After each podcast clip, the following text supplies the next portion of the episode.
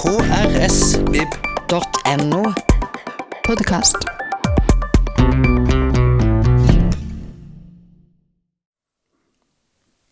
Hei og velkommen til en ny podkast fra Kristiansand eh, folkebibliotek. I dag så har jeg fått med meg i studio professor i engelsk litteratur ved Institutt for fremmedspråk og oversetting ved UiA, Charles Ivan Armstrong. Velkommen. Takk skal du ha. Eh, nå er det rett og slett eh, en 300-årsjubilant vi skal prate om. Det er ikke en hvilken som helst bok. Nei, vi skal snakke om en eh, roman som har den vakre tittel, og nå får dere holde dere fast The Life and Strange Surprising Adventures of Robinson Crusoe of York, Mariner, who lived eight and twenty years all alone in an uninhabited island on the coast of America near the mouth of the great river of Oronoque, having been cast on shore by shipwreck, wherein all the men perished but himself, with an account of how he was at last as strangely delivered by pirates, written by himself. Det er ikke snaue, snaue saken her, men altså Robinson Crusoe, som eh, de fleste av oss eh, kjenner den som. Rett og slett, Det var en utrolig beskrivende tittel. Ja, Det var nok en tid du, du hadde få anmeldelser, så da måtte du rett og slett lære om boka via tittelen. Altså, hva det var for. Trenger du å lese boka etter å ha sett den introen, egentlig? Det Jeg, jeg, tror, jeg tror det er fortsatt noen overraskelser, men den sier mye. Det gjør den. veldig beskrivende. Um, de fleste kjenner vel til Robinson Crusoe som konsept, men um, jeg sjøl leste jo boka da jeg var antagelig liten guttunge. Men uh, hvis du skulle introdusert boka for en helt ny leser det, som, altså, her, Beskriv hva er Robinson Crusoe, hva handler den om, hva er det som er greia med den? Det handler om en, eh, en eh, engelskmann da, på eh, 1600-tallet, handlingen satt til 1600-tallet, der han, han får en formaning av sin far om at han uh, burde holde seg hjemme. Uh, holde seg hjemme og uh, leve et forsiktig liv. Han er, han er i middelklassen og har alle muligheter, men han burde ikke gjøre noe dumt og burde aldri dra til sjøs. Og selvfølgelig så følger han ikke dette rådet, selv om han etter hvert Han får mange, mange hint om at dette er et råd han burde følge, og det går veldig ille med han ganske fort, men han står på. Og eh, etter veldig mange eventyr så, eh, så går det skikkelig galt, for da er det et skipbrudd, rett og slett. Og han lander på en øy da eh, Han er ikke klar over det sjøl, men er utafor kysten av Sør-Amerika. Og der blir han lenge. Veldig lenge. 28 år. Eh, Som vi lærte allerede i tittelen, for så vidt. ja, det er skikkelig lenge. Mye skjer. Um, og boka handler vel i begynnelsen om at han skal overleve, rett og slett. At han, eh, det handler om en slags eh, overlevelseskunst og eh, dyrke. Og han, han gjør bruk av dyrene han finner. lager seg et hjem. Og så etter hvert så oppdager han at øya blir besøkt av kannibaler. Og det er på en måte andre del av historien. handler i stor grad om hans frykt for kannibaler, hans forberedelse for møtet med dem, og da at han redder en eh, lokal, ikke politisk korrekte termen, innfødt kanskje, eh, som han da eh, berømt nok gir navnet Fredag, for han, han, han møter han på en fredag da.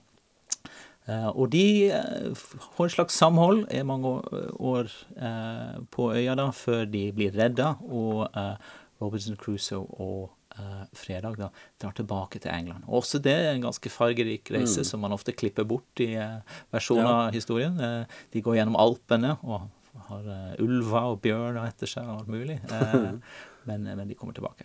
Dette er altså historien eh, som blir fortalt i eh, den romanen med den tittelen vi nevnte. Eh, men Crusoe skrev jo faktisk to, to etterfølgere. Eh, ja, eh, en i samme år som heter Farther Adventures. Kort, kort versjon i hvert fall. Farther Adventures of Robinson Crusoe.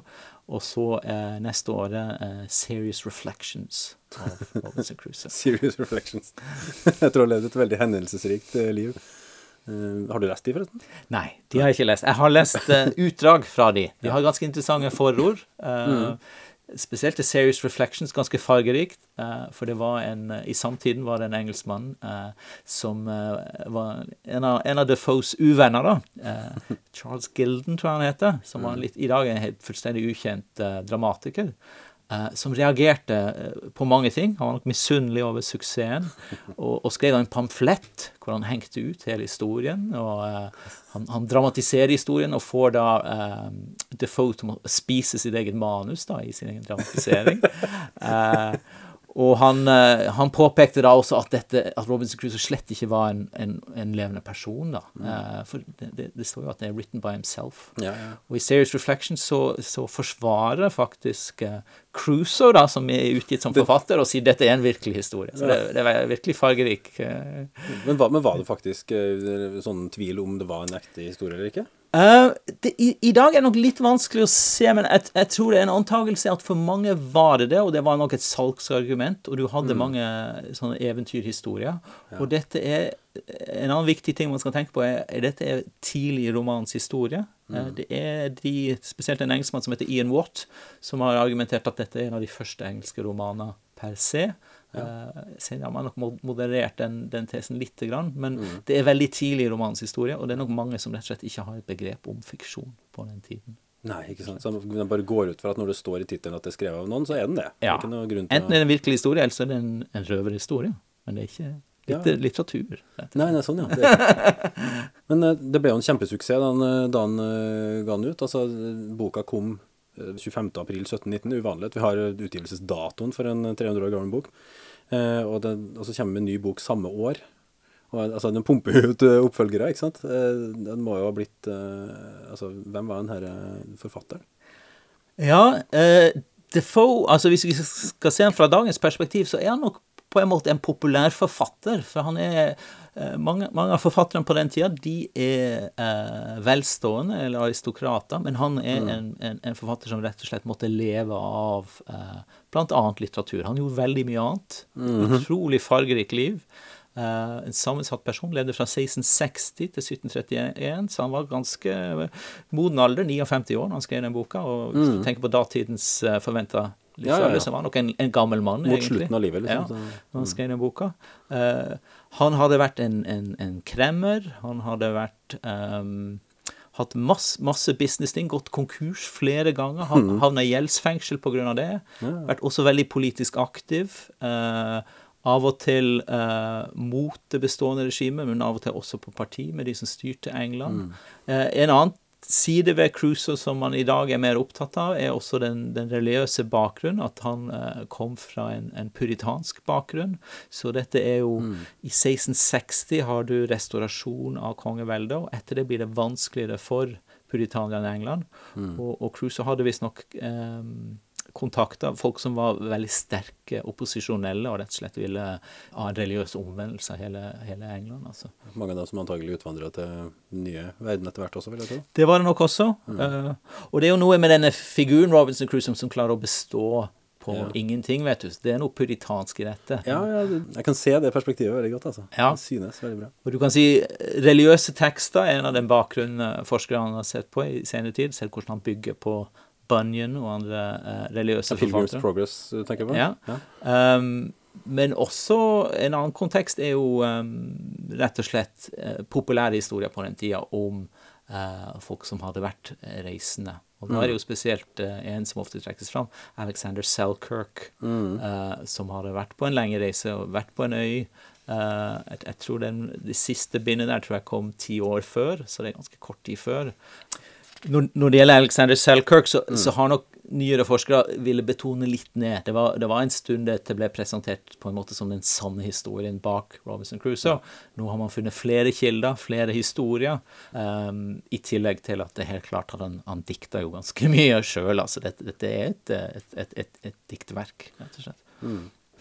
Daniel Defoe virker som en veldig sånn uh, interessant karakter i seg sjøl, for så vidt. Altså, nå så jeg på um, Kikka nettopp på biografien om ham, at eh, foruten å ha vært politisk spion, og det påstås at han har danna grunnlaget for eh, Secret Service eh, og sånne ting, så har han også gjemt seg for kreditorene i Bristol, der han ble kjent som The Sunday Gentleman, for det var den eneste dagen i uka han kunne gå ut uten å bli arrestert.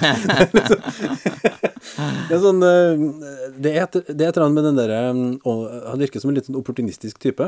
Det, jeg syns liksom jeg ser igjen mye av det i karakteren Robinson Crusoe også. Litt sånn 'Det ordne seg. Går sikkert fint. Vi bare prøver på noen ting', og så, så går det Absolutt. absolutt. Og du kan si hvis man, hvis man skal lese teksten sånn sett, så blir den religiøse dimensjonen litt mindre viktig. Dette er jo litt av det, det artige med roman, og, og, og litt av grunnen til kanskje at det har blitt en klassiker. At du kan se på den fra så mange sider. Og én side ved, ved Defoe Defoe er en opportunist og en kremmer. Eh, og vi kan se, vi kan se Cruiser på samme måte. Og nå er det litt, litt rare i boka, som, som ikke stemmer med en religiøs lesning, er jo at det går så fryktelig godt med han økonomisk til slutt. Han blir jo styrtrik, vet du, og, og virkelig suksess mot slutten. Han forlater altså en plantasje som han har i Brasil, hvor han ikke får, han får ikke til å sitte i ro, så han må liksom dra på noen ekspedisjoner. og når han kommer tilbake fra forliset, så er det gode venner som har tatt vare på plantasjen hans. Og han har jo gode fortjenester fra det salget av det. Absolutt. Alt ordner seg. Det, blir sånn feel, det er en sånn feel good-roman. eh, på Det gjør det. Samtidig så har du sant, den religiøse dimensjonen når han, når han finner eh, penger, gullmynter på det forliste skipet. Så har du en, en veldig berømt scene hvor han, han sier dette, dette betyr ingenting for meg. Dette, dette, dette er fullstendig ubrukelig nå. Men så sier han ja, men jeg tar vare på det likevel. Og, og dette det er jo selvfølgelig med på veldig god hjelp senere og gjør han veldig rik. Men tek teksten har både, både denne skal vi si, kapitalistiske ånden og den, den protestantiske puritanske ånd. Så denne tesen om at eh, kapitalisme er bygd på eh, en slags eh, protestantisk etikk, der er jo Robinson Crusoe en litt artig tekst, for den har begge to til, til fullt monn, altså. Han handler puritansk, men han har en sånn backup-plan i tilfelle, liksom. Absolutt. Utrolig bra. Men eh, han uh, Defoe han jobba jo på ingen måte i noe vakuum. altså Det er jo en del tidligere fortellinger som han må ha hatt kjennskap til, eller ser ut til å ha basert seg på. Du nevnte jo Alexander Selkirk, Ja, som kom rett før, for så vidt, um, eller ti år før han skrev den. absolutt. Um, som er ganske sånn nær uh, litt samme type fortelling. Ja, Eh, Selkirk blir vel satt på en øde øy av eh, kapteinen på det skipet han er med på etter en krangel. Det er ikke sånn Ja, men det er bedre å, at du nå setter meg igjen på øya her, istedenfor at jeg skal sitte i den her båten som lekker som missil. Ja, greit, da setter vi det her, da. Eh, eh, ok. Og så blir den værende der, liksom. Ja. Og en av forskjellene der er jo at han, han uh, takler det. Robinson Crusoe takler det. Han er en slags helt. Du kan si der i dag hvis Denne teksten av, blir av og til fremstilt som en realistisk roman. I dag tenker vi å være alene i 28 år. Ikke særlig realistisk at du skal komme ut av det som en helt. Altså, for i dag ser vi jo på mennesket som grunnleggende sosialt, kan du si. Og der på den tida hadde man ikke helt dette synet. Uh, og i, i, i innledninga til denne, denne siste oppfølgeren, Serious Reflections, sier Defoe at mennesket er grunnleggende alene. Faktisk. Så denne, denne ensomheten for han er på en måte definerende for mennesket. Finne ditt, ditt sanne jeg, det er gjennom isolasjon. Og der skiller han seg fra eh, historien om Selkirk og en del andre historier på den tida som visste at, at det gikk ganske dårlig med folk som, som var isolert. ja. Men han, han hiver seg på den bølgen. Helt klart. Han hiver seg på den bølgen, denne, denne spenninga over eh, utforsking, historier om, om folk som blir isolert på avsidesliggende plasser. Og sånne ting må jo ha skjedd ganske ofte. Det her var jo en tid hvor man drev og oppdaga de fjerne avkroker av Absolutt. kloden, ikke sant. Og båtene var jo Og mannskapen, ikke minst, kunne jo være litt så som så. Så det skjedde jo utvilsomt ganske ofte. Absolutt. Og det er også en litterær kontekst. Sant? Dette Ja. Reisemotivet går langt tilbake i litteraturen. Vi kan Ja. tenke på eh, vi kan tenke på eh, Odysseen Mm. av Homer. Eh, disse store, store eposene er jo historier om vandringer, Mm. ofte. Um, og, og det er også en roman som uh, Siden det er en roman, så, så, så var også interessant nok Defoe såpass belest at han, han i uh, beskrivelsen av den teksten i, i Serious Reflections så viser han at det er Don Quixote, blant annet, som jo ofte Ja. blir fremstilt som den første romanen noensinne. Altså. Eh, En bok som jeg har lest i forarbeidet med her fordi den var nevnt som en sånn tidlig inspirasjonskilde, og en bok som heter The Isle of Pines, eh, gitt ut eh, på, eh, altså i 1668. For å ta bare et kjapt overblikk, så handler det om en fyr som eh, blir Han er på en ekspedisjon til Sørøst-Asia. Og så blir det storm, ikke sant? og så kommer de av kurs og forliser, og han er den eneste da som overlever. Men den øya han blir skylt i land på, den er allerede befolka av hvite. Som eh, et par generasjoner tidligere har blitt vaska i land på lignende vis. Men eh, da var det én mann og fire kvinner som ble vaska i land på denne øya. Eh, og de har fordrevet tida med sånn som menn og kvinner gjør, og blitt mange. så på det tidspunktet han her eh, som skriver historia blir skylt i land, så har det jo blitt tusenvis av mennesker. Eh, ut fra de her opprinnelige fem stykkene. Eh, og de har delt seg i klaner basert på hvem de er slekter på og sånn. Men det er egentlig en litt sånn utopisk eh, fortelling, for de har et veldig sånn Eller vi kan lese det da, i dag som en litt sånn utopisk fortelling, for det er et veldig fritt samfunn. Eh, de, det er veldig sånn løse, løs moral. Seksualitet er veldig mye åpenhet rundt. Nakenhet. Eh, og det, det er en veldig fruktbar øy, så de lever liksom av det naturen har. Det er en sånn Edens hage-aktig tilstand. da. Eh, Men jeg vil tro at kanskje i samtida så må de ha sett litt motsatt på det. At her var det liksom skamløst, og det, det er et samfunn som på en måte ikke fungerer. Man produserer ingenting, man gjør ingenting. Man kan bare liksom leve i en sånn, en sånn drømmeaktig eh, primaltilstand. Sånn Edens hage-aktig, altså. Um, og det er jo noen som har um, spekulert litt i at uh, bare tittelen, Isle of Pines, er litt allegorisk, i og med at uh, de har veldig åpen seksualitet på denne øya, og Pines er et anagram av penis. Så, så det blir liksom The Isle of Penis kan liksom tolkes veldig negativt, da, ikke sant? Ja. I hvert fall i samtida. Ja. Det er jo Der er jo den ikke en klar forløper for Robinson Crusoe. Hvis det er noe kommentatorer eh, av og til syns er litt spesielt med den teksten, så er det jo fraværet av seksualitet. Totalt, ikke sant? Ja, fullstendig. Og helt mot slutten, når han kommer tilbake til England, så sies det at han gifter seg, hadde et greit ekteskap og to barn, og så døde kona. Og det er liksom en setning eller to. Eh, og og det, det er alt du har av eh, seksualitet. Det, det sies vel også det, han, han, det blir grunnlagt en koloni på øya, at han ga sju kvinner til Ja. spanjolene på øya eh, for at de eventuelt skulle, skulle, skulle bygge opp noe der.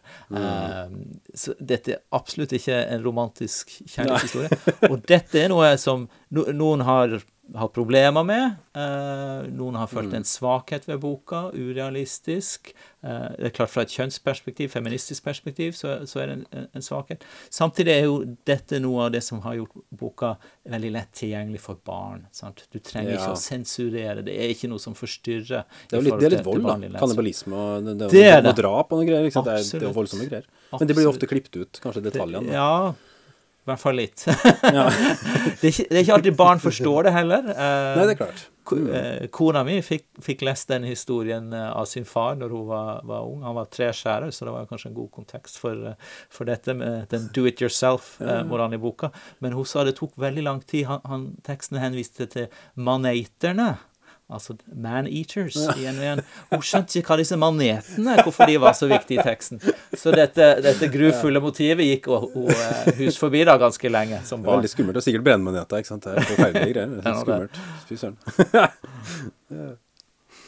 Du har veldig mange fortellinger på 1700-tallet om eh, reise til andre steder, der du på en måte får en, eh, en kontrast til den vestlige sivilisasjonen. Ja. og, og ofte er de eh, fremstilt som en slags kritikk av hjemlige forhold. Eh, Gullivers reiser av, eh, av Swift, for eksempel, Den- ikke senere. Det, den kommer jo rett etter, Ja. eh, eller fem, sju, åtte år etter Robinson Crusoe Ja, og har av og til blitt tolka som et, et, et tilsvar til Robinson Crusoe. Og den, den, den er jo en slags uh, samfunnssatire gjennom å, å, å, å ha kontrasterende fortellinger fra, fra andre kulturer. Eh, og det er jo litt av det dobbelte i- Du kan si Crusoe kanskje den har et element av dette. Jeg, jeg, tror litt av uh, atvetydigheten i teksten er at uh, på den ene sida så er det vanskelig på den øya. Eh, han, han har det ikke lett, han er ensom, han eh, må jobbe hardt. Eh, på en annen side så, så, så får han det til å funke, og han får det fint. Og, og, og det er mange som, som likevel mener at dette blir en slags, et slags positivt eh, alternativ til Vesten. Og, og det er kanskje litt av styrken til teksten, at du, den, den, er, den er på en måte både og. Dette er en slags mangeltilstand, dette er en slags ekstremopplevelse i et eh, alternativt samfunn. Samtidig som det er noe ved det som også er forlokkende. Eh, På litt subtilt vis, kanskje. Ja, egentlig noe som vi kjenner igjen i dag også, den her trangen til å, til å gå ut i naturen og klare deg sjøl, på en måte. Altså, han blir jo nødt til det. Absolutt. Altså, jeg har lest en, eh, en modernisert utgave av den på engelsk, men jeg, vi har jo nettopp en ny utgivelse av den på norsk. En jubileumsutgave Ja vel, fra ja. Bokvennen. Oversatt av Peter Fjågesund. Men, Ja, det, men det er 100 vignetter av JD Watson. Altså, det er da illustrasjoner fra eh, midten av 1800-tallet. Og jeg er egentlig litt glad for at jeg ikke leste den utgaven, fordi det er en veldig sånn romantisert utgave. Altså det, han, eh, Crusoe han driver og lærer seg å lage eh, eh, Han driver med pottemakeri, han driver og bygger båter og sånne ting. Og de illustrasjonene får alt til å se veldig pent og nydelig håndverksarbeid. ikke sant? Og jeg, nekter å tro.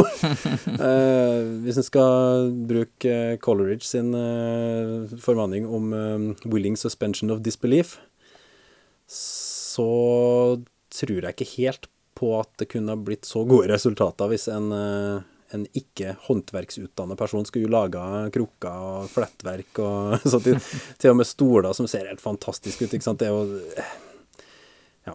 Det er litt sånn skjønnmaling av historien, kanskje. Jeg vet ikke. Det, Nå snakker du om illustrasjoner. Peter Fjågestuen en god kollega Ja, med, faktisk, i Ja. Telemark. Så det er sikkert en kjempegod oversettelse. oversettelsen vil jeg tro er Eh, helt men, super. eh, men jo, når jeg ser på bildene, så skjønner jeg poenget ditt. Ja, altså Oversettelsen er vel for så vidt den første helt fullstendige oversettelsen av uh, Crusoe, så den eh, anbefales å ta en, uh, ta en kikk på, altså.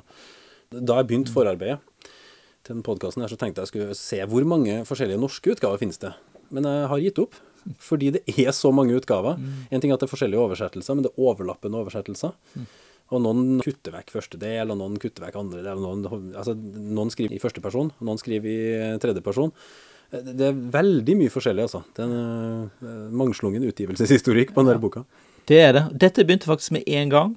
Crusoe kommer med sine oppfølgere, så refererer han til eh, piratutgaver, der de faktisk hadde kutta ned teksten. De hadde kasta vekk, interessant nok, hadde de kasta vekk mye av den religiøse dimensjonen, for de ville bare ha eventyr og spenning. Og da, da forsvarer han seg. Han sier liksom dette er essensiell del av boka, den har dette, den er oppbyggelig også. Eh, Det må med, liksom. ja. Eh, hvor mye det er et spill for galleriet og liksom bare kjøp min utgave, det er vanskelig å si, altså. Men, men eh, det, dette, om du vil, litt, litt en, en klassiker er jo nettopp en tekst som kan brukes i forskjellige sammenhenger. Eh, før snakka man gjerne om at, at teksten hadde rikdommen i seg sjøl, det var på en måte iboende. I dag kanskje vi holder på å endre litt. Vi, vi tenker en tekst som på en måte er kan, det, det er noe ved den som gjør at den, eh, den er pragmatisk. Den kan bli tilpassa forskjellige medier, forskjellige tider. Det, i, I dette tilfellet har vi i hvert fall kjernen, som er et motiv, dette skipbruddet. En enslig eh, mann på en øy, som er veldig enkelt. Og den kjernen kan du gjøre veldig mye forskjellig med, rett og slett. Ja. Eh, Det er jo en bok av sin tid, eh, skrevet av en engelskmann. Eh, Han har jo noen ganske sånn stygge karakteristikker av spanjoler. Jeg liker spesielt formuleringa hvor de drepte millioner av disse menneskene, som selv om de var avgudsdyrkere og barbarer osv., eh, likevel var aldeles uskyldige mennesker. Benevnelsen spanjol er ansett som skremmende og forferdelig for alle mennesker som er human, eller som viser kristen medlidenhet. Eh, og at kongeriket Spania, eh, eh, Som om kongeriket Spania var særlig framstående med hensyn til å frembringe en menneskerase som var uten prinsipper om barmhjertighet, eller en alminnelig sans for medlidenhet med dem som er i, død, i nød. Det er en ganske sånn brutal karakteristikk. Det er det. Det, det er jo en det, det er no, helt sikkert noen stereotyper fra, fra den tida. Eh, dette reflekterer vel eh, politiske konkurranseforholdet du hadde mellom eh, England og eh, andre europeiske stormakter. Der England eh, ikke bare konkurrerte, kan vi si, eh, i forhold til marked og, og, eh, og, og makt, men også av eh, reformasjon, av at de definerte seg som protestantisk land. Ja, og så kom opposisjon til Spania som katolsk land. Selvfølgelig, det har jeg ikke tenkt så mye på. Det har du helt rett i. Og du har 1588 har du eh, beseiring av den spanske armada som en sånn milepæl i, i, i britisk historie, eh, som var veldig viktig for eh, dronning Elisabeth. Hun var en viktig figur som og del av den kulten. Du kan si, Når vi ser på det senere, det her, så er det, dette litt interessant, for dette er en slags kritikk av eh, spansk eh, bygging av et imperium, eh, spansk kolonialisme. Eh, og dette er jo en kontekst som vi i dag eh, Vi vil- i dag lese Robinson Crusoe i en lignende kontekst. Det, Ja, det har blitt mer sånn etter hvert. Det var nok ikke så vanlig på den tida. Eh, en av de første som leser eh, Robinson Crusoe på den måten, er faktisk James Joyce, den irske modernisten.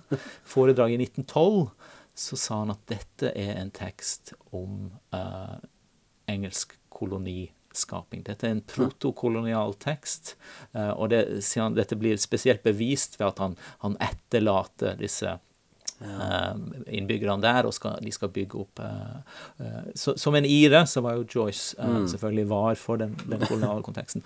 Uh, han, for han er dette kritisk. Når vi ser tilbake på 1800-tallet, så er det mange som også som vil se dette som en slags um, en, en tekst som uh, i det britiske imperiet uh, voksne ga til sine barn, og implisitt skulle oppdra de til slags uh, imperial values, rett og slett. Altså. den, det jo har, Du har jo to hovedkategorier av de innfødte. Du har kannibalene. Mm som selvfølgelig eh, er noe av det i, i denne historien fremstilt som noe av det han, han, sier dette er det verste som kan skje, å bli spist av et annet menneske. Ja. Så dette er virkelig det mest avskyelige, mm. eh, mest fornederlige du kan, kan oppleve.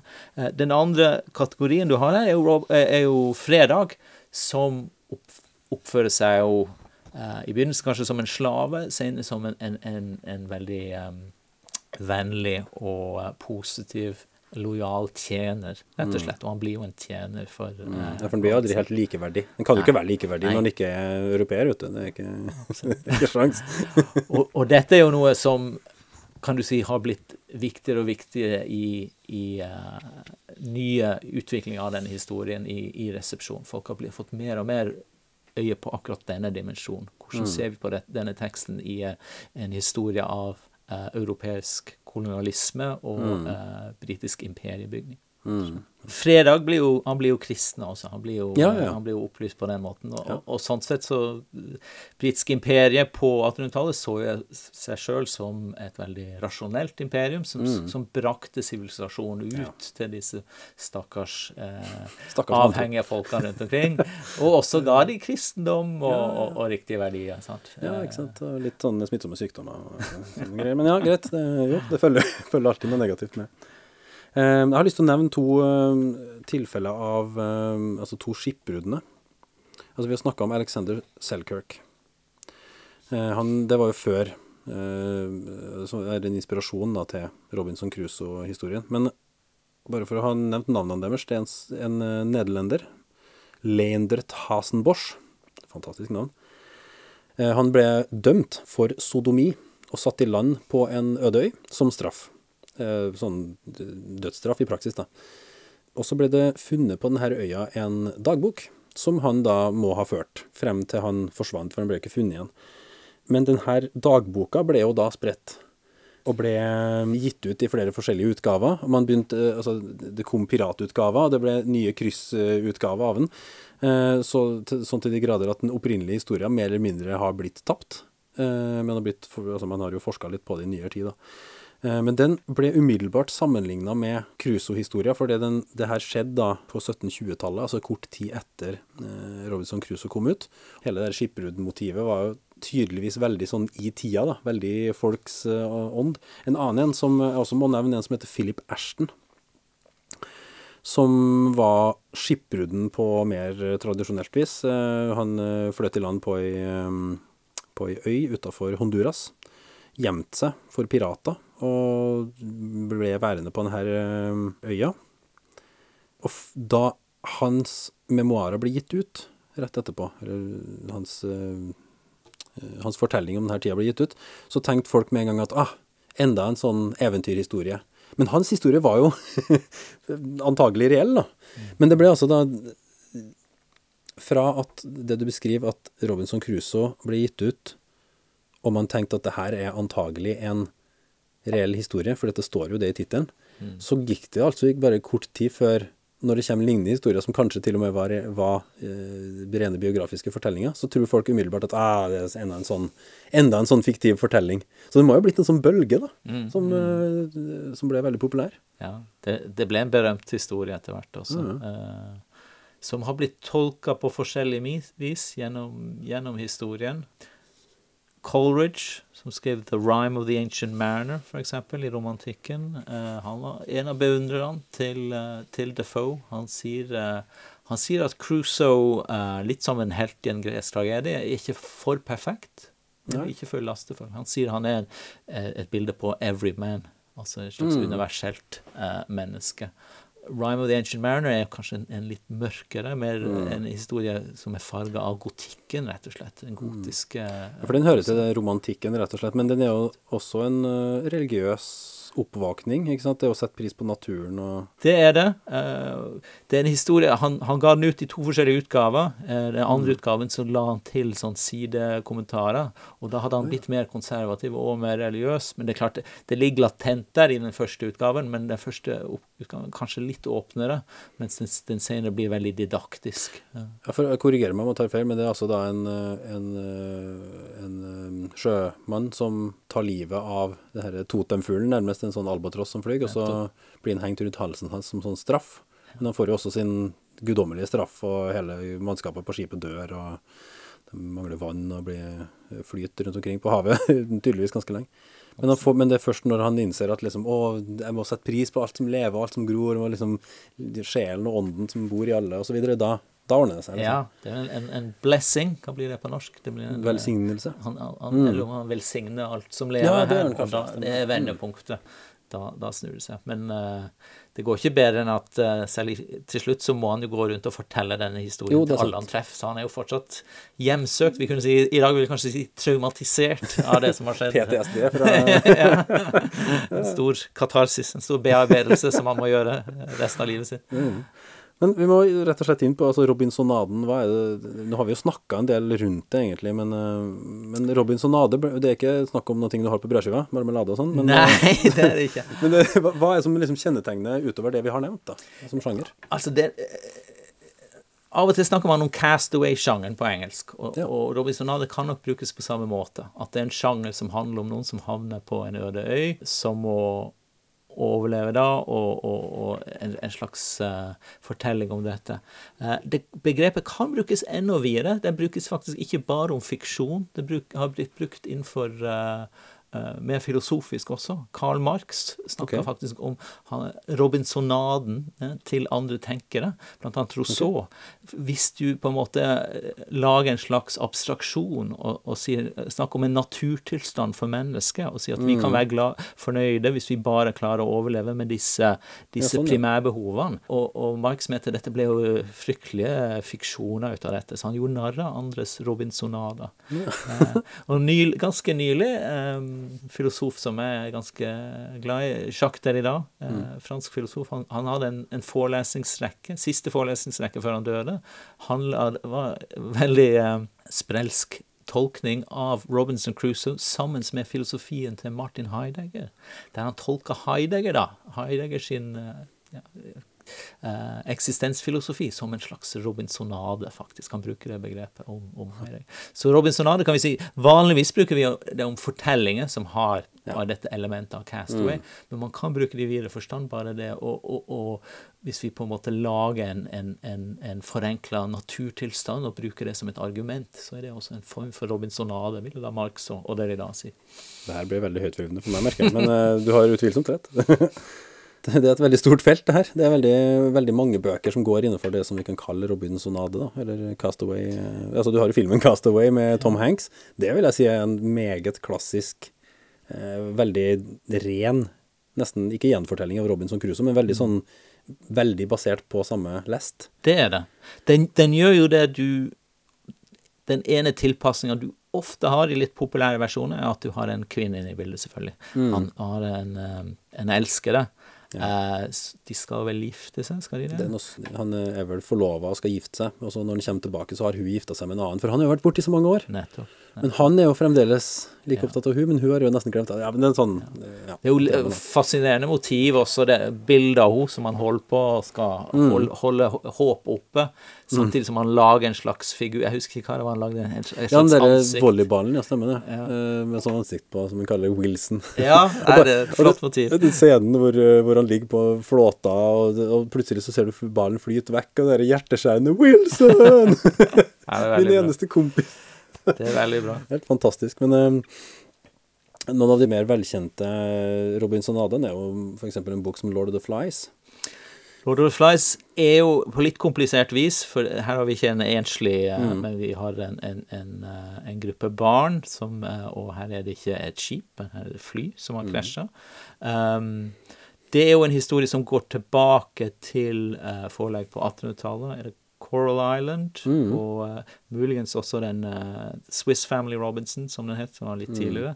Um, og, og den har jo litt av samme prinsippet. Hva skjer um, hvis vi skreller vekk sivilisasjonen? Hvordan skal man overleve? Den har jo Uh, på grunn av at det er en gruppe, så har det jo et sosialt perspektiv. Den har et fokus på gruppemekanikk. Uh, på, på, på, mange måter en politisk allegori. Det er rett etter andre verdenskrig.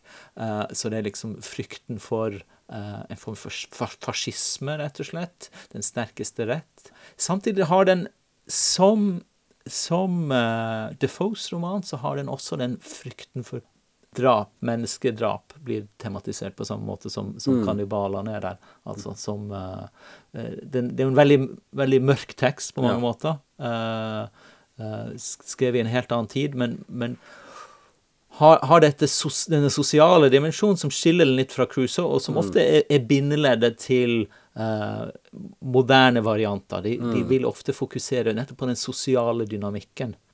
Uh, og, og, der er det jo en forbindelseslinje til TV-serier. Robinson-ekspedisjon, som var den uh, reality-TV-inngangen i Norge. Uh, og i dag er det hva det ikke heter for noe. Uh, X on the Beach og Paradise Island. Alle disse har jo en, en merkelig forbindelseslinje med, med Robinson Crusoe. Et slags konstruert sosialt eksperiment. Ja. I hvert fall en dimensjon av det. Det er jo mange, mange andre ting som foregår der. Mm. og interessant nok så har jo også psykologer benytta seg av lignende ting. De har prøvd å isolere grupper mm. mennesker og, og og, og foretatt sosiale eksperimenter. Så uh, det, det, er mange, mange avleggere. Um, nå når vi er her ute på nettet, så syns jeg også det er grunn å nevne um, igjen en, en, litt sånn perifer link, men, men uh, på engelsk radio, et av de mest populære radioprogrammene i, i England, er Desert Island Discs. Ja. du får kjendiser inn i et studio, og du, uh, du ber de rett og slett si eh, hvilken musikk ville du ta med deg hvis du var stranda på en, en, en øde øy. Du får velge én plate, liksom. Ja. Hvilken plate? og jeg har sett, sett, reklame for dette, og da har de en figur med skjegg som sitter på en øde øy, rett og slett. Åpenbart basert på de illustrerte Robinson-utgavene. Absolutt. Det er kult. Men den Lord of the Flies, den er jo Du nevnte jo Coral Island, det, for dem er litt sånn natt og dag. Eh, lignende tematikk. Skole, ungdom i skolealder som strander på en øy.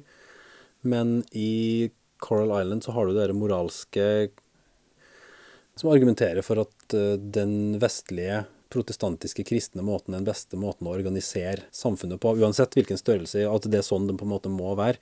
Der hvor Lord of the Flies er, er litt mer en kollaps kan du si. Litt mer enn kollaps. Samtidig er jo altså Selveste Lord of the Flies er jo et navn for Satan, eh, mm. uh, faktisk. Så, så, det er jo en slags uh, religiøs undertone der. Mm. Uh, men det er, det er, nok veldig mye en frykt for, for fascisme, den sterkeste rett. Totalitære regimer, liksom. Ja. ja.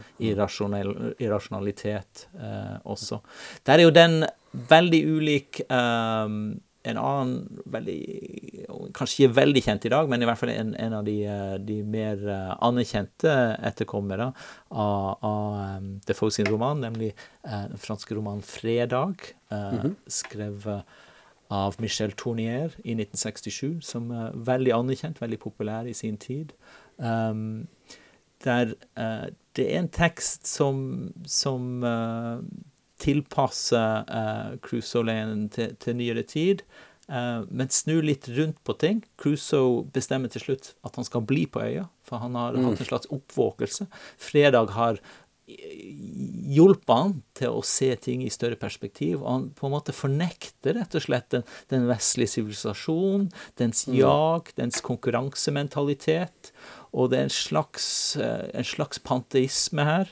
Okay. Eh, noen veldig fargerike sekvenser i romanen hvor han eh, rett og slett har sex med mose og trær, og, og dette blir ikke parodiert. så det er en slags hippie I dag vil jeg kanskje si en slags hippie-filosofi, men det er, det, det er, ikke så enkelt.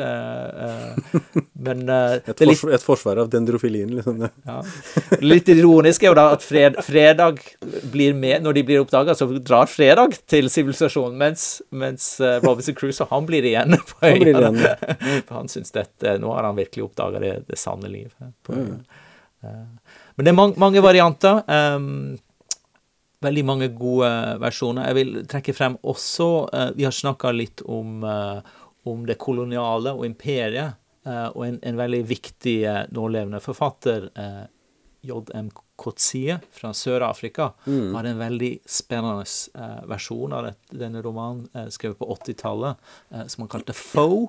Og Foe er jo egentlig navnet til Daniel Defoe. Han, han endra navnet til Defoe eh, underveis. Eh, men Foe kan jo bety fiende, og denne teksten spiller veldig ut um, spenningene mellom eh, Fredag og Crusoe, og også spenninga mellom Crusoe og, og, og kvinner, da. For den har en, en kvinnelig forteller. eh, som gir en lite flatterende fremstilling av eh, Crusoe. Og i den, den historien så blir altså rett og slett eh, em, tunga til Fredag skåren av. Han kan ikke snakke, og dette blir et slags bilde på de undertrykte. Den vanskeligheten med å bringe de til orde. Har ingen stemme. Absolutt. Og dette er en slags metaroman. Den, den viser også Defoe som sitter og skriver eh, fortellinger, og Barton sier du burde skrive den annerledes. Så den er også en slags en blanding av kan vi si, postmodernistisk metaroman og en, en, en, eh, en kolonial kritikk. For Kotsie kommer fra Sør-Afrika, veldig bevisst eh, raseproblematikk. Det er jo på 80-tallet, før, eh, før eh, apartheidregimet kollapsa. Altså. Nettopp. Vi, vi har snakka om at, eh, at det få kvinner eh, i, eh, i eh, Robinson Crusoe. Og, og det er ofte, ofte mannlige forfattere som har hevet seg på bølgen. Men jeg vil trekke fram eh, en kvinnelig forfatter som har gjort sin egen liten lille vri av Robinson Crusoe. Eh, dette Elizabeth Bishop, en av de eh, viktigste amerikanske dikterne i det 20. århundre, som er veldig opptatt av reiser, bodde i Brasil mange år sjøl, og hun har et dikt som heter 'Crusoe in England', som er en artig eh, slags eh, ny versjon av Crusoe. Crusoe har da kommet tilbake til England fra øya. Eh, I denne versjonen så var det fryktelig kjedelig når han var på øya. Eh, det var vulkaner, det var lite å få eh, ta seg til. Um, men ting er ikke så mye bedre når han kommer til England heller. Han føler seg ikke hjemme der heller. Dette er en, dette er en, en veldig nøktern, eh, nøktern fortelling. Um, mot slutten sier han Now I live here, another island that doesn't seem like one, but who decides? My blood was full of them, my brain bred islands, but that archipelago has petered out. I'm old. I'm bored, too, drinking my real tea, surrounded by uninteresting lumber. Og i denne fortellingen så skal han da donere alle, um, alle eiendelene sine til et, til et museum, og de skal bli nedstøva på et museum. Elizabeth Bishop var jo amerikaner og hadde besøkt England på denne tida, og uh, var ikke helt imponert over den engelske nasjonalånden. Men dette er en tekst med mange lag. Hun, hun har sjøl puritansk bakgrunn, og delvis også tiltrukket til Crusoe. Eh, Det er litt artige, det er litt satiriske med den teksten. Peker på, om du vil, en, en, en forbindelse som eh, folk i England er litt opptatt av i dag. Det har vært en, en rekke tematiseringer av um, hva, hva betyr eh, Robinson Crusoe i dag, 300 år etterpå, i forhold til f.eks. brexit, og hva brexit sier om engelsk eh, nasjonal mentalitet. Eh, så det var en, en, en fyr under pseudonymet Robinson da, eh, har gitt ut eh, en, en liten skrift der han eh, rett og slett diskuterer eh, hva har Robinson Crusoe med brexit å gjøre. Og for, han så, ja, og for han så viser denne teksten, og også Defoe sitt liv, en slags eh, det du kaller en, en insular attitude, det å ville isolere seg, rett og slett. En, en mangel på åpenhet til det fremmede, eh, som, som vedkommende da tolker som representativ for, for brexit. Men det har jo vært i ånden til England i alle kriger. Altså Napoleon, Hitler altså Vi, vi er nå på øya her, vi. Det er bare å prøve å komme hit. Det kan du si. det kan du si. Og, eh, og, og Defoe skrev jo selv en, en reisebok eh, etter Crusoe, eh, hvor han også snakka om at England var på, på en måte som et fort. Det var et, en øy som kunne klare seg sjøl. Så det er en slags link der mellom, eh, mellom den øya som Crusoe, eh, der han isolerer og overlever, og et slags britisk sjølbilde. Han lager jo faktisk altså det derre innhegninga. Han lager jo kaller den vel for sin castle, for så vidt. På den, ja. Han eh, sier vel også han er sovereign, han er hersken, og det er en litt sånn små humoristiske politiske vink der i teksten. Altså. Kanskje vi burde snakke litt om, om, eh, om romfart også her. eh, For man kan jo Når teksten opprinnelig ble skrevet, så kom det fra en tid med oppdagelse, med nye kontinenter, nye steder som ble oppdaga. Mye var uklart, usikkert. I dag med en global verden, så er det meste kjent, det meste kartlagt. Uh, så kan man spørre hvor, hvor er dette spennende riket nå? Uh, På 1960-tallet kom det en film som heter Robinson Crusoe in Mars, altså. Ja.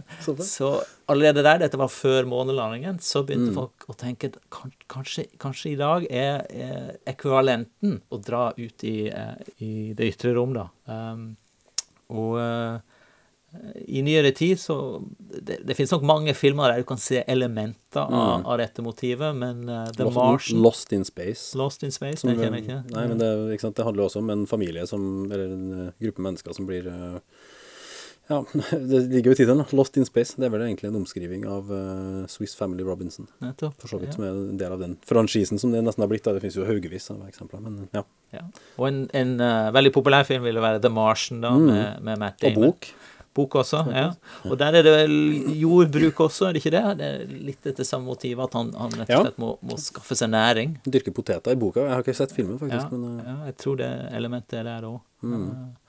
Så det, det er litt interessant. Det, det kommer jo stadig opp eh, det, det er litt omskiftelige eh, konjunkturer for romfart, eh, men, men, Jo, det klart. eh, men med jeg... miljøkrisa så begynner det faktisk å komme litt opp. Vet ikke om jeg får lyst, mer lyst til å gå ut i rommet etter å ha lest Marsen, for det, han har jo ganske mye problemer. Men, men en veldig humoristisk bok, faktisk. Det utrolig, utrolig mange livsfarlige situasjoner han kommer inn i. Men det er likevel troverdig. Og det, løser det med humor, og det, det, går, jo, det går jo bra. ikke sant? Det, men det er veldig sånn, men jeg ser parallellen, altså, for det er jo det, er- det er et skipbrudd, egentlig. Mm. Um, det finnes helt sikkert mange eksempler i science fiction-sjangeren generelt, for du har jo, som du nevner i eh, Altså da Robinson Crusoe ble skrevet, så var jo en båt som et romskip. Nettopp. Du er på den her lille innelukka kapselen på vei over et hav, og hvis du detter av, så er du, da er du ferdig, ikke sant? Samme som et uh, romskip hvis du detter ut der, så ja, da, det var det. Lykke til. Så Crusoe-historien passer veldig godt inn i en sånn romfartssetting, da. Det gjør det. Det gjør det. Det er fascinasjon, men også frykten for det ukjente. Mm. Um, Star Trek har det også en del sånne motiver, ikke sant? hvor de kommer til fremmede planeter, så er det noen som har kommet der før dem, som har klart seg sjøl, eller uh, sånne type eh, fortellinger. Da. Em, da jeg leste Robinson Crusoe, da var jeg liten guttunge. Og den boka blir gjerne brukt som, i barneskolen, altså som barnebok. eller Men den var gitt ut som en voksen, en fortelling for voksne. absolutt. Hva er det som gjør at den i dag altså Jeg tenker nesten på den som en barnebok, jeg. Nå. Det samme kan du nesten si om Gullivers reiser også. Hva som, hva det som gjør det? Ja, det er, et, det er et godt spørsmål. Jeg, jeg tror ikke det er helt, helt lett å svare. Altså, I Robinson Crusoe så er nok et, element er jo rett og slett fraværet av seksualitet. Ok, da, da får du ikke den for, for de yngste lesere så er ikke det, det, det er noe som vil gå over hodet deres eller forstyrre dem, eh, og det har du ikke. Um, men jeg har også sjøl en, en sønn som elsker historier om oppdagelsesreisende. Eh, Kon-Tiki, eksempel. Stor, ja, stor begeistring for Kon-Tiki. Eh, så da Det tok konsekvensen av det, og kjøpte han en, en, en sånn Illustrated Classics-versjon av Robinson Crusoe. En som jeg sjøl leste når jeg var barn. Da. Uh, og han, han elska det. Han svelgte den på en eller to kvelder. vet du. Han, han, han, han raste gjennom det. Dette var helt topp. Det appellerer veldig til liksom, den der oppda barnlige oppdagertrangen på en eller annen måte. Det, som Det har det. Det gjør det. Og, og selvfølgelig, barn er jo opptatt Siden de ikke er selvstendige, så er de jo opptatt av hvordan skal de bli selvstendige. Eh, Ja. og, og det er jo noe Crusoe til de grader må gjøre. Han må bli selvstendig. Han har levd som en medlem av sivilisasjonen, og andre har eh, Vi har alle eh, et helt nettverk rundt, rundt oss som tar vare på oss. I dag har vi en velferdsstat, det hadde de ikke på den tida, men likevel. altså Han hadde et helt samfunn rundt seg. Og, og, og det er noe som jeg tror barn er, er fascinert av. Eh, Det er jo også en historie rett og slett som er i, i forkorta versjon så er det en, en, en slags eventyrfortelling der det er mye som skjer. Samtidig må jeg ta visse forbehold der. Jeg har, jeg har forelest denne teksten på universitetsnivå, og den er jo på flere hundre sider. Og jeg har jo merka studentene mine, altså de her lange passasjene om uh, geiter og geithold, og uh, hvordan han lager seg en bolig. Det er tungt for de, altså. Det syns ikke de er kjempespennende. Eh, kanskje noen få av de, men de fleste blir dette litt for fjernt, altså, rett og slett. Eh, og, og det er en tekst Jeg syns det er en litt artig side ved denne teksten. Den er nesten litt sånn besatt av detaljene, rett og slett. Ja, sant? definitivt. Um, Jeg syns nå det interessante er, eh, siden du nevner det, altså at han beskriver utrolig mye hva han gjør, og hvordan han gjør det, men du får veldig lite inntrykk av hva han føler. Altså, Han går inn i detalj hvordan han dyrker kornet, og tresker det, og kverner det, og får det til å gjære og lage brød, men du vet ingenting om hvordan det smaker. Når det, det er ikke noe sånn liksom åh, min første smak av ferskt brød på hvor mange år, ikke sant. Men det er ikke med. Det er ikke interessant, på en måte. Og det, du kan, det er nok flere grunner til dette.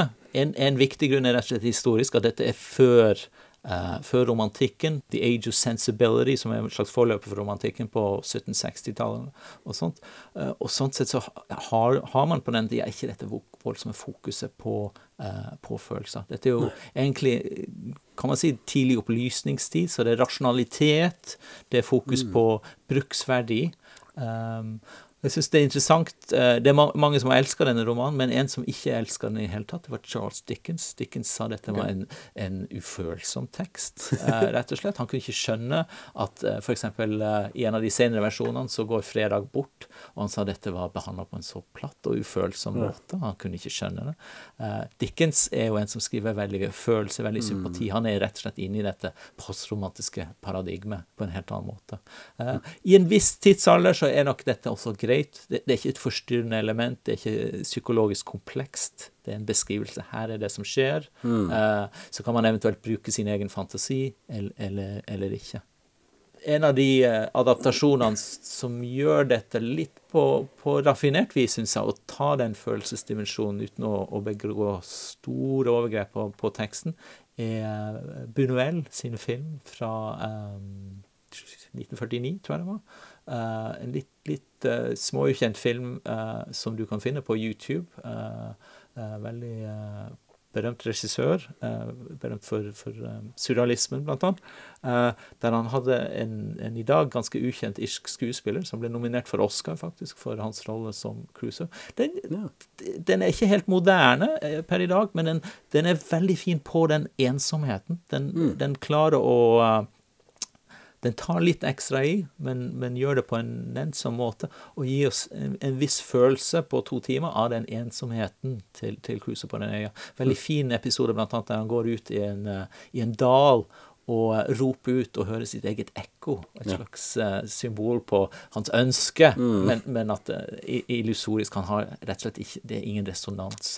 Eh, det, det, er en, det er en ganske nøktern, fin filmversjon eh, som jeg syns eh, er mye bedre enn en, en moderne tolkning som eh, eh, det var en på, på 80-tallet, tror jeg, med Pierce Brosnan, eh, som er fin nok, altså, men det, det er en veldig eh, eh, modernisert, eh, litt sånn Hollywood-versjon. Du har en kvinne inne i bildet. Eh, den er ganske politisk korrekt, for eh, Fredag blir litt mer aktiv, og, og, og i det hele tatt eh, Litt sånn hvitvasking eh, på en måte. det er det òg. Det er det. Og det er jo litt det vanskelige med disse klassikerne. Skal vi eh, eh, Adaptasjoner er det alltid plass for, og, og, og det spenner med polemiske lesninger. Jeg syns Kotsie sin for eksempel, er veldig fin polemisk eh, en, men, men samtidig kan, kan det være uheldig hvis folk tror f.eks. En, en litt ufarlig hvitvaska versjon av en tekst er den virkelige teksten. Da, da mister du egentlig historisk distanse og mulighet Ja. til å lære noe om, om fortida. Sånn som om uh, fjerninga av, av negerkonge i Pippi Langstrømpe og så- sånne type Absolutt. Ja, det er et interessant element, for det, hvor langt skal du gå før du fjerner originalen, på en måte? Ja. Mm. Eh, og det, dette er jo, dette er jo et, eh, et trekk du kan se igjen i forskjellige klassikere. Frankenstein hadde jubileum i fjor, med Shelley sin roman. eh, hadde 200-årsjubileum i, i, i fjor. Vi lagde podkast om det i fjor. Ja, og der har du en, en, en filmtradisjon som, eh, som fjerner seg ganske mye, og nesten blir en egen, en egen tradisjon. Og selvfølgelig har sine verdier. Eh, samtidig så, så hvis du bare har sett noen av de nyere filmversjonene, så har du ikke skjønt egentlig hva romanen handler om. Det, det, det, det er en helt annen Jeg var jo tekst. der, ikke sant? jeg leste jo boka for første gang i fjor. Nettopp. Etter å ha sett uh, noen filmatiseringer. Det var mye jeg ikke kjente igjen. Nettopp. jeg tenkte jaha, hva, ja, det, det her er jo en helt annen historie. Liksom. Ja, ja. Litt snedig. En, en side ved Cruiser som ikke helt kan bevares i film, det er dagboken. Han fører en dagbok. uh, uh, ganske lenge, og det, det er en veldig viktig del av teksten. Og det henspiller nok også på den uh, puritanske inderligheten. Altså det har et eller annet med tidlig subjektdannelse at, at um, både som et ordna, rasjonelt individ, men også om du vil et kristent åndelig individ, så er eh, dagboken og skriften en vei til, å, til, å, til å dyrke og etablere et jeg. Mm. Det er en, det er en ting som vi kanskje ikke har snakka noe særlig om, men eh, vi trenger ikke gå nærmere inn på det. Men eh, selv om det er en tidlig roman, så er det en roman som om en leker med formen, eller om en bare snubler over formen, det er litt vanskelig å si, men det, det begynner som en jeg-fortelling, og så blir det en dagbok, og så flyter det liksom over til å bli en jeg-fortelling. Det er veldig sånn Er det her fortsatt på dagboka nå, eller slutter den der, eller Absolutt. Så det er litt sånn forskjellige former underveis i, i fortellinga. Det er litt uvanlig, Ja. tenker jeg, da. Ja, og den er nok litt heterogen der. sant? Du har dagbok, du har, eh, du har reiseskildring, eh, du har religiøs vekkelse. Den, den er en, igjen, som karakteren Robinson Crusoe, så er også dette, uh, i forhold til sjanger, en ganske heterogen tekst. Eh, og, det er litt av styrken, at den, mm. den skifter gir. Samtidig er det er jo litt av sjarmen. Det kan virke nesten litt uorganisert for Ja, våre lesere. Litt sånn tilfeldig. Eh, det er nok ingen tvil om at eh, Defoe hadde nok å stri med i hverdagen. Og han, var ikke en forfatter med forfatterstipend som satt øde steder og skrev dette, men eh, det, det er en tekst som ble litt, litt til sånn i, i forbifarten. Mm. Men du har jo, som du sa, du har jo forelest om denne boka. Men hva får, altså, hvordan står denne teksten seg 300 år etter utgivelse? Hva får studentene dine ut av den? Jeg tror en, en ting de får, er jo at det, den teksten er det veldig lett å huske grunnmotivet, altså. Eh, Men mange av dem har sikkert forhold til den uten å ha lest den før. Det har de nok. det har de nok. Og da får de nok en vekker også. At Ja. det, det, dette er en tekst som har en, uh, um, en oppdatert av fysiske detaljer som de ikke hadde forventa. Virginia Woolf skrev om dette. Hun har et essay om Robinson Crusoe der hun sier at folk har alle disse romantiske forestillinger om hva romanen er, og hva får de? Og hennes bilde var at de får en litt ubekunstla vase, i litt sånn røff forstand. Det det er det, det, det teksten er. Det er ikke noe veldig estetisk og drømmerisk objekt, men det er nesten som en, en bruksting. Eh, ganske uromantisk. Det, det var hennes bilde. Eh, og, og det er nok noe der. Eh, samtidig som, som du nevnte jo det sjangermessig, og det er jo noe studenter må lære, det er jo nettopp eh, at, at tekst alltid foregår i forskjellige sammenhenger, forskjellige kontekster, og en måte teksten tilpasse seg det, er jo rett og slett gjennom, gjennom sjangre. Og derfor er en veldig viktig del av, av vår selvbevissthet som lesere det er å, å se forskjellige sjangre. Se forskjell, hvordan en, en, tekst har forskjellige registre som den bruker. Og Der er Robinson Crusoe veldig, veldig fin, på grunn av at den, den så tydelig har uh, skipbruddmotiv, uh, dagbok, uh, en reisefortelling, en inderlig kristen fortelling. Eh, han leser fra Bibelen mange ganger. Eh, så det, sånn sett så er det en, en tekst som, selv om ikke den er veldig komplisert, fører til en slags selvbevisst leseropplevelse. Uh, si. Så det er en tekst som fortsatt har mye, mye å by på. Absolutt. Det er, en, eh, det er en gøy tekst, og jeg vil anbefale den til, til de fleste. Det vil jeg. Da lar vi det være siste ordet. Så jeg tusen takk for at du kom i studio. Takk skal du ha. Flere podkaster fra oss finner du på Google Podkast, Apple Podkast eller iTunes, eller ved å stikke innom vår hjemmeside på krsbib.no. krsbib.no. Podkast.